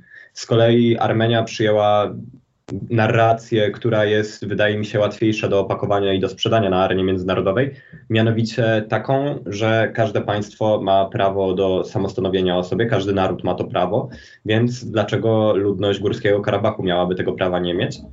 I do tej pory większość Górskiego Karabachu pozostała pozostawała na dobrą sprawę, nie chcę powiedzieć, że nie naruszona, ale pozostawała w jakimś stopniu niezależna od wpływów azerskich tym bardziej, że spora liczba ludności zamieszkująca tamtejsze tereny jest Ormianami. Natomiast Azerbejdżan, korzystając, wydaje mi się, z wielu czynników, w tym z tego powodu głównie, że rząd Armenii i w Erywaniu średnio sobie radził z pandemią, podobnie zresztą rząd w Baku Azerbejdżanu. Natomiast Wydawać się może, że Ilham Aliyev, czyli prezydent Azerbejdżanu, postanowił odwrócić uwagę społeczeństwa od wewnętrznych problemów związanych właśnie z pandemią koronawirusa poprzez odniesienie szybkiego, no ciężko powiedzieć, że szybkiego, natomiast na pewno spektakularnego sukcesu militarnego i udało mu się przynajmniej na chwilę obecną tu zrobić. Tym bardziej biorąc pod uwagę to, że rząd w Baku miał ogromne wsparcie nie dość, że polityczne, to jeszcze militarne, a konkretnie mówiąc technologiczne ze strony Turcji, która udostępniła Azerbejdżanowi swoje drony właśnie w celu inwazji na Górski Karabach. No, no, właśnie, pamiętam, że kiedy ten konflikt wybuchał, mówiło się, że tak naprawdę nie ma on może nie tyle znaczenia, ale celu stricte militarnego lub e, celu podbojowego. Jednak chodziło właśnie o odwrócenie uwagi mieszkańców Azerbejdżanu, obywateli od problemów, z którymi boryka się to państwo. Ponieważ powszechnie wiadomo, powszechnie było wiadomo, że Azerbejdżan ma bardzo dużą przewagę ekonomiczną nad Armenią. Dla zobrazowania tego warto zauważyć, że Yy, ich fundusze, które wydają na same militaria, są równe całemu budżetowi e, ormiańskiemu. Również też no, zarówno z tym budżetowi e, Górskiego Karabachu. E, no jednak spodziewano się, że ta przewaga nie jest jeszcze aż tak wielka, że ona owszem zbiera się, ale jeszcze się aż tak nie skumulowała. No, niewątpliwie tutaj też bardzo dużo zmieniła właśnie interwencja turecka, która wzmocniła bardzo siły e, azerbejdżańskie, azerskie, przepraszam, i pozwoliła im tak naprawdę na, no, bądźmy szczerzy, zmasakrowanie zarówno Karabachów, jak i właśnie Ormian, e, głównie dzięki przewadze powietrznej i przewadze technologicznej.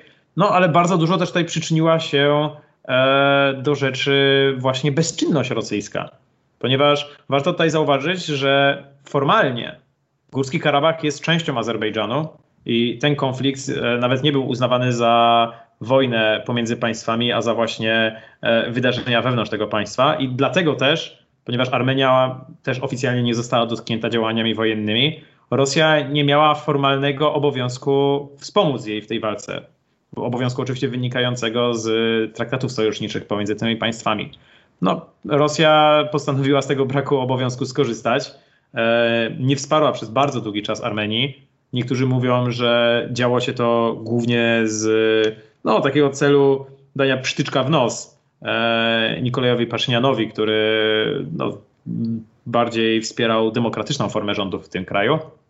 Niemniej przyczyniło się to do dużej porażki właśnie Armenii i Górskiego Karabachu w regionie, no i do zagarnięcia dużej części, nie powiem większości, ale dużej części spornego terytorium przez Azerbejdżan i właśnie przez rząd w Baku. Kuba, dodałbyś coś jeszcze specjalistycznego w tej sprawie? De facto można powiedzieć to, że Rosja jest największym wygranym tego całego konfliktu, w związku z tym, że jej, jej wojska e, w wyniku umowy e, czy zawieszenia broni będą stacjonowały przez 5 lat e, w rejonie przez, Azer, przez Armenów nazywanym Arcachu, jakim nazywany jest Kurski Karabach. I będzie takim, takim stopniu takim jakby siłami bez, bezpieczeństwa, które będą miały strzec przed wywołaniem e, kolejnego konfliktu no, w okresie tym pięcioletnim, ale nie ukrywajmy, jeżeli wojska rosyjskie gdzieś e, są w danym, już się pojawiają w danej części świata, to raczej ciężko jest e, jakby zmusić mocodawców do tego, żeby opuścili ten, ten rejon. Dlatego uważam, że de facto 5 lat to i będzie nie, jakby nie tylko ten okres, tylko jeszcze dłuższy. E, I w związku z tym, że de facto Turcja, jakby Rosja nie brała bezpośredniego udziału w konflikcie, a mimo to wprowadziła swoje wojska e, w rejony Górskiego Karabachu, należy uznać za niesamowity sukces dyplomatyczny, e, w którym brała udział. No tak, bo właśnie Baku wraz z Ankarą prawdopodobnie pragnęło, zapra pragnęło zapoczątkować tak zwany proxy war pomiędzy tymi państwami i wplątać Ros Rosję w większe konflikty. E, jednak Rosja praktycznie w tym proxy warze udziału nie wzięła, a mimo to wyszła, no może też nie powiem, że jakoś całkowicie zwycięsko, e, ale niewątpliwie nie, nie, nie doznała porażki, nie doznała większej klęski. Ale dobra, spójrzmy w takim razie na tych dwóch większych graczy, którzy tutaj stoją przy stole i można powiedzieć chuchają na karki e, tym lokalnym siłom, które się spierają. Co działa się w tym roku w Rosji? Ponieważ wspominaliśmy już faktycznie o Białorusi, wspominaliśmy o porażce rosyjskiej w Mołdawii. E, w samej Rosji też działo się dużo. Mieliśmy do czynienia e, w wakacje, bodajże w lipcu, z referendum konstytucyjnym, które przyznawało, które praktycznie zmieniało ten ustrój. Jak dotychczas się już nazywało ten ustrój superprezydenckim, to wydaje mi się, że teraz brakuje słowa. Możemy użyć określenia hiperprezydencki, ponieważ faktycznie on no, już oficjalnie kumuluje całą władzę w rękach prezydenta Rosji, który e, może rządzić e, bodajże nie bezterminowo, bo tam był rok 2040 któryś, jeżeli się nie mylę, możecie zaraz dodać, jeżeli pamiętacie. E, tak też wyłączał wszelką odpowiedzialność. Już nawet nie, że tak jak wcześniej był bardzo skomplikowany mechanizm, który nie był praktycznie możliwy do doprowadzenia. Teraz nie ma takiego mechanizmu. E, prezydent Federacji Rosyjskiej nie odpowiada w żaden sposób e, przed obywatelami ani przed innymi organami. Odpowiada może przed Bogiem i historią, cytując nasze krajowe rozwiązania. No a z drugiej strony też mieliśmy do czynienia w tym roku w Rosji z no, kompromitacją KGB, kompromitacją służb rosyjskich, które próbowały otruć e, Aleksieja Nawalnego w samolocie. E, zaraz też pewnie przybliżycie ten temat, ale skracając, dały się też całkowicie potem zinfiltrować. Jakub? E, ja tylko, tylko wspomnę to, że mm, de facto jeszcze jest, był jeszcze inny, inny ważny jakby element w, w całej układance politycznej, czyli usunięcie, a raczej wykluczenie Rosji z, z wszelkiego rodzaju imprez sportowych na okres, że już ponad dwóch lat i teraz, i teraz nie będzie mogła Rosja brać udział na przykład w Igrzyskach Olimpijskich, Mistrzostwach Świata, Mistrzostwach Europy pod flagą rosyjską. W związku z czym e, sportowcy rosyjscy będą musieli e, brać udział jako sportowcy niezrzeszeni, co de facto jakby umniejsza taką brand Rosji na świecie i taki swoisty prestiż e, tego kraju, co bardzo mogło jakby z, jakby wkurzyć no, jakby samego Putina i też całą wierchuszkę na Kremlu. Inną sprawą jest to, że E, że jakby należy e, stwierdzić to, że Aleksiej Nawalny jest dosyć charakterystyczną postacią w, e, w, jakby w środowisku politycznym w Rosji, a jednocześnie jego poglądy z perspektywy jakby, z, jakby Zachodu no, jakby e, wystawia się jako taki bardzo taki liberalny człowiek, a jednocześnie ma poglądy takie e, stricte nacjonalistyczne, które jakby z perspektywy polskiej samej to nie są do, dosyć e, korzystne. I nawet jeżeli przejął władzę po Putinie, to, nie, to de facto nie miałby aż takiej e, koalicji, takiej koncyliacyjnej jakiejś, e, jakiej wersji polityki w stosunku do, do Polski i też w sumie do Zachodu. Więc e, my bardzo re relatywizujemy całą rzeczywistość wokół e, Nawalnego i bardzo jakby tak e, wspieramy, uważamy go jako za takiego mm, liberała, którego warto wspierać, ale mm, trzeba też spojrzeć na to, jakie ma poglądy osobiste. Tak, ja tylko dodam jeszcze, że obecnie służby działające na terenie Federacji Rosyjskiej to już nie jest KGB. Oczywiście zmiana jest tylko i wyłącznie kosmetyczna, ponieważ metody są bardzo zbliżone. KGB jest wciąż na Białorusi, ponieważ tam nie, nie przeprowadzono tej denomenklaturyzacji. Natomiast e, w Rosji funkcjonuje FSB. Natomiast e, cóż, to co mi się wydaje, ujawniła cała sytuacja z Aleksiejem Nawalnym, który jest bardzo ciekawą postacią, ale o tym może zaraz. E, służby rosyjskie, również te siłowe i służby bezpieczeństwa, jak się okazuje, działają dokładnie tak samo, jak działają wszystkie organy państwowe w Federacji Rosyjskiej. To znaczy, nie są wyjątkowo sprawne, działają trochę anachronicznie i archaicznie. Natomiast, jak to podsumował pięknie Michał Potocki w dzienniku Gazecie Prawnej, to jest. Jeżeli ktoś twierdzi, że służby rosyjskie są wciąż wszechmocne i wszechwładne i wszechpotężne, to uważa, że Lada ma takie zdolności jak Mercedes, co wcale nie oznacza, że Ladą nie da się od czasu do czasu potrącić człowieka skutecznie. Także myślę, że tutaj o to chodzi. Natomiast jeżeli chodzi o samego Aleksieja Nawalnego, no to cóż, my go w dużej mierze kojarzymy jako osobę z tej bardziej liberalnej, bardziej otwartej strony polityki rosyjskiej. Natomiast to jest człowiek, który ma poglądy oczywiście trochę rozbieżne od Putina. Bardzo by chciał, aby doszło do demokratyzacji Rosji i aby doszło też do y, przestrzegania, no najprościej mówiąc, praw człowieka i obywatela. Natomiast jeżeli chodzi o jego podejście do polityki zagranicznej, to on wcale nie chciałby, żeby Rosja zawróciła z takiego kursu mocarstwowo potęgowego, jaki obrała, no, można powiedzieć na dobrą sprawę, zaraz po upadku Związku Radzieckiego, albo mówiąc jeszcze konkretnie, może nie zaraz po upadku Związku Radzieckiego, ale zaraz po upadku Jelcyna i wraz z początkiem ery Putina.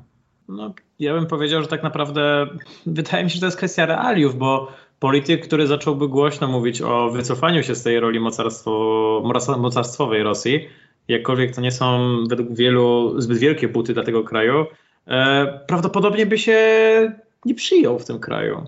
Znaczy, no, to jest już kwestia tak naprawdę właśnie akceptacji demokratycznej konkretnych osób. Ale dobra, no spójrzmy teraz na drugą stronę tego przysłowiowego stołu, który, o którym przed chwilą mówiłem. Turcja. Turcja w tym roku no, dużo mniej miała głośnych wydarzeń wewnętrznych, natomiast faktycznie dużo bardziej działała, no, można powiedzieć, na forum międzynarodowym, chociaż bardziej chodziło tutaj o działalność w sporach z sąsiadami. Mieliśmy bardzo, bardzo głośne i częściowo też ostre wydarzenia e, razem z Grecją i z Cyprem. Mieliśmy w tym roku, tak, w tym roku, jeżeli się nie mylę, e, mieliśmy też do czynienia z ofensywą turecką w regionie syryjskim, jak i również z popieraniem, e, popieraniem z konfliktu w Libii. Kuba? Chciałbyś może przybliżyć pokrótce któryś z tych tematów?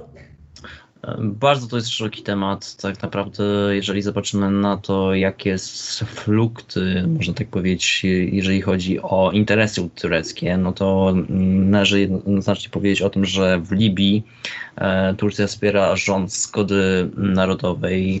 E, w, Faiza As-Saradża. E, do tego mm, dochodzi też e, w związku z tym konflikt z Francją, która mm, wspiera e, libijską Armię Narodową na pod dowództwem generała Khalifa Haftara. A Francja wspiera Haftara, sądząc, że po zwycięstwie Haftara zapewni, on jakby dzięki temu zapanuje jakby stabilność w tym regionie a jednocześnie Francja uważa, że rząd libijski jest pod silnym wpływem mm, jakby bractwa muzułmańskiego, e, który też ma mm, swoją jakąś cząstkę tego, co się dzieje e, na przykład e, w, w Turcji. Dodatkowo, jeżeli się zobaczy to, co się działo na przykład w tym roku e, dla NATO w regionie Morza Śródziemnego. Mieliśmy na przykład e, natowską operację Sea Guardian właśnie na Morzu Śródziemnym, gdzie na przykład zatrzymany został francuski okręt e, wojenny Courbet przez właśnie Turków. To było dosyć, dosyć trochę ciekawe, ze względu na to, że dwaj sojusznicy w NATO, prawda? Do tego dochodzi jeszcze operacja Irini, operacja e, unijna egzekwowania embargo na broń dla Libii. E, I de facto można to tak jeszcze powiedzieć o tym, że tu chodzi bardziej o to, e, o walkę też o to, kto będzie miał jakby możliwość swobodnego poruszania się też e, w rejonie Morza Śródziemnego, a w związku z tym też e, spór, e, jest taki spór o wydobycie i transport surowców energetycznych ze wschodniej części bazenu Morza Śródziemnego do Europy. I tutaj właśnie rywalizuje Francja, a z drugiej strony Turcja. Turcja, która jednocześnie chce, chce jakby próbować jakby wzmacniać swoje wpływy w regionie mm, Cypru. Też e, mm, jeżeli chodzi o Turecką Republikę Cypru, która e, w tym roku miała też e, własne wybory, w której wybrał bardziej proturecki kandydat zamiast kandydata prozjednoczeniowego z całą wyspą i jednocześnie można też powiedzieć, że jeżeli chodzi o jeszcze do, dodatku o interesy w Syrii, to mamy cały taki anturaż takiej e, walki o interesy e, tureckie, aby mieć wpływ na to, co się dzieje w rejonie jakby północnej Afryki, a jednocześnie Bliskiego Wschodu. No właśnie bardzo dobrze, że wspomniałeś o Bliskim Wschodzie, ponieważ no, już czas nas troszkę goni, ale faktycznie warto by było jednak przedstawić pokrótce, co działo się w tym regionie. E, niestety nie mamy czasu na pogłębioną dyskusję. Um, no ale dobra, ja może zacznę i też rzucę hasłami, do których się pewnie, mam też nadzieję, rozszerzając, odniesiecie. Um, porozumienia abrahamowe. To było wydarzenie, które no, było swoistą rewolucją. Niektórzy to nazwali sejsmicznym wstrząsem który, który faktycznie wstrząsnął tą sceną międzynarodową e, i no, można powiedzieć sformalizował dużą część tych takich e, zbliżeń, które miały miejsce pomiędzy Izraelem a lokalnymi, nie tylko państwami arabskimi. E, z drugiej strony mieliśmy też podwójne uderzenie na Iran, zarówno na generała Gazema Soleimaniego w styczniu przez Stany Zjednoczone, jak i też dosyć niedawno na Mozena Farizeda, który zajmował się irańskim e, programem nuklearnym.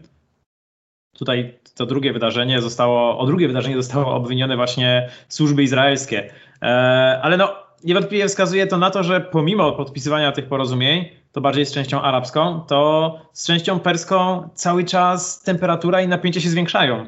I no, może się jeszcze dużo dziać w tym roku. Panowie, Kuba? No, to, co właściwie jeszcze w pierwszej części powiedziałem, czyli narastający konflikt Iranu z USA jest dosyć bardzo ciekawy i na to trzeba zwrócić uwagę.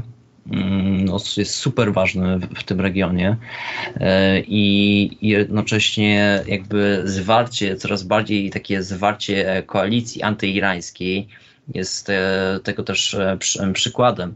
Jednocześnie e, zobaczymy, jak to będzie w przypadku zmiany, mm, jeżeli chodzi o stanowisko prezydenta Stanów Zjednoczonych w stosunku do polityki w sprawie Iranu, czy będzie to bardziej konfrontacyjne, czy też mniej.